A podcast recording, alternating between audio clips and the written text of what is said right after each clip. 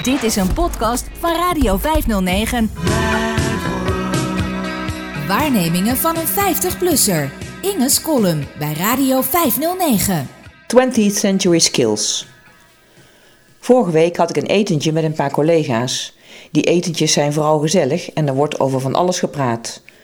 En omdat we met z'n vijven het groepje vormen dat onze bacheloropleiding coördineert, gaat het gesprek onvermijdelijk ook vaak over het werk.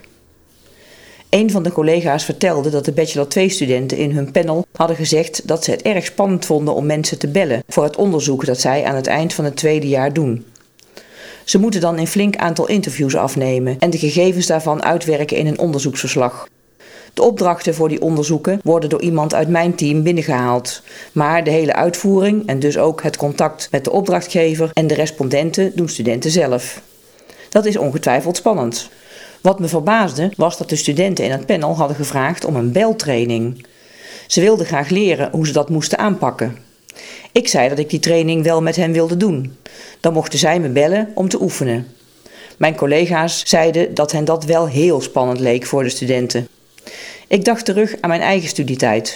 Op de Academie voor Journalistiek moest ik voortdurend mensen bellen die ik niet kende. Dat vond ik doodeng. Maar er was geen ontkomen aan.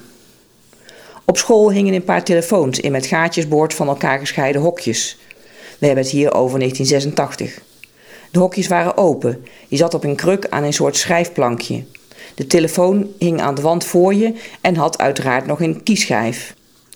Ik hing vaak een tijdje rond bij de hokjes in afwachting van een rustig moment waarop mijn telefoongesprek door niet al te veel medestudenten of docenten gehoord zou worden. Dat kon wel eens even duren. De hokjes waren in de hal geplaatst, vlak bij de wc's en de postvakjes van studenten, tegenover de ingang van de school en het hok van de conciërge. Hoezo privacy of rustig bellen? Iedereen liep en taterde door elkaar heen. Als ik eindelijk de moed vond om te bellen, kroop ik zo ongeveer in het hardboardwandje en voerde mompelend mijn gesprek. Eens belde ik iemand van de KNVB over een onderwerp dat me totaal niet interesseerde en waar ik me niet in had verdiept. Iets met pasjes voor voetbalsupporters. Mijn gesprekspartner in Zeist zei dan ook al gauw: U weet er weinig van, hoor ik. Ik kon wel huilen en wist niet hoe snel ik het gesprek af moest kappen. Toch zou het niet in me opgekomen zijn om mijn docenten te vragen mij over mijn belangst heen te helpen. Ik ging er zonder meer van uit dat het iets was waar ik mezelf mee moest zien te redden. Mijn probleem. Dan had ik maar niet voor een journalistenopleiding moeten kiezen. Ik was zeker niet de enige in mijn klas die het eng vond, maar er waren ook veel klasgenoten die zich er moeiteloos doorheen bluften. Ik nam aan dat ik dat ooit ook zou durven, of niet, en dan zou ik iets anders moeten verzinnen om later te worden. Dat laatste was wat er gebeurde. Ik haakte af en koos voor een opleiding die een stuk minder eng was. Het is iets van deze tijd, al weet ik wel dat deze ontwikkeling al decennia aan de gang is. Als je een probleem ervaart, dan ga je op zoek naar hulp, professionele hulp. Ik kan daar slecht aan wennen. Het is niet waar ik zelf mee ben groot geworden en ik ben nog altijd een slechte hulpvrager. Ik breek liever mijn nek, letterlijk of figuurlijk, of stel mijn doelen en aspiraties wat lager dan dat ik een zogenaamde professional vraag mij ergens bij te helpen. Lotgenoten die visio bellen om hen te helpen in route naar een nieuwe werkplek te leren, kan ik niet volgen. Collega's die zich via een training laten leren hoe ze hun werktijd in moeten delen en prioriteiten stellen, begrijp ik evenmin. Naar vrienden die in groepstherapie-sessies over nare ervaringen uit hun jeugd praten, kijk ik met een lichte afgunst. Dat lijkt me ook best eens lekker, maar ik denk niet dat ik eraan begin. Ik vind het prima dat anderen zulke dingen doen, maar zelf kom ik er gewoon niet op. Het is niet dat ik er de waarde niet van inzie, het is meer een diep gewortelde overtuiging dat zoiets voor mij niet werkt. Ik leer wel door zelf iets te proberen, wat aan te rommelen, of anders maar niet, ook goed. Op mijn school hebben we het vaak over de vraag hoe ver we moeten gaan in wat we onze studenten willen leren. Schrijven kunnen ze vaak niet. Dat hebben ze op het VWO onvoldoende geleerd.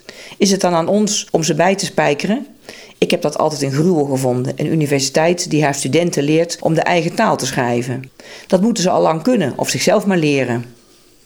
Ook ben ik nog steeds geschokt als er stemmen opgaan om in het onderwijs aandacht te besteden aan sociaal gedrag, omgangsvormen en wat wel en niet in orde is als het gaat om seks en communicatie over seks. Ik vind dat studenten dat vooral zelf uit moeten zoeken en dat wij daar als opleiding niets mee te maken hebben. Maar dat is erg ouderwets, merk ik de laatste jaren. Jongere collega's kijken daar totaal anders tegenaan. Al pratend en ondersteunend door het wijnarrangement dat we bij het eten hadden besteld, bedachten we vorige week dat we misschien een nieuw trainingsprogramma aan ons aanbod sociale en professionele vaardigheden zouden kunnen toevoegen. Ouderwetse vaardigheden als iemand bellen op een manier dat je directe omgeving er geen last van heeft. Dus niet hand-free met de gesprekspartner op de speaker. Of een correcte mail aan je docent versturen. Niet te formeel, titels formeel dus niet nodig, maar zeker ook niet te amicaal. De collega's dachten dat dit klusje heel geschikt zou zijn voor mij, verreweg de oudste in ons gezelschap. Ook zijn mijn taalzeikerigheid en afkeer van bestuurskundige prietpraat, dat door mij genadeloos wordt geschrapt zodra ik de kans krijg, bij deze collega's overbekend. En blijkbaar ook gevreesd, want een van hen bekende haar mails aan mij altijd nog even goed over te lezen voor ze op de verzendknop drukt. Daar moest ik erg om lachen.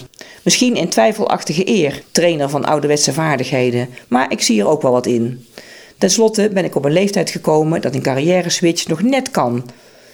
Nog wel even een modern sausje erover om het aantrekkelijk te maken voor de studenten van nu, die na 2000 geboren zijn. De vaardigheden die wij hen nu aanleren als voorbereiding op de moderne arbeidsmarkt heten 21st Century Skills. Misschien leuk om mijn pakket daarom 20th Century Skills te noemen. Die wil je op je cv hebben staan. Radio 509 geeft je elke dag een goed gevoel.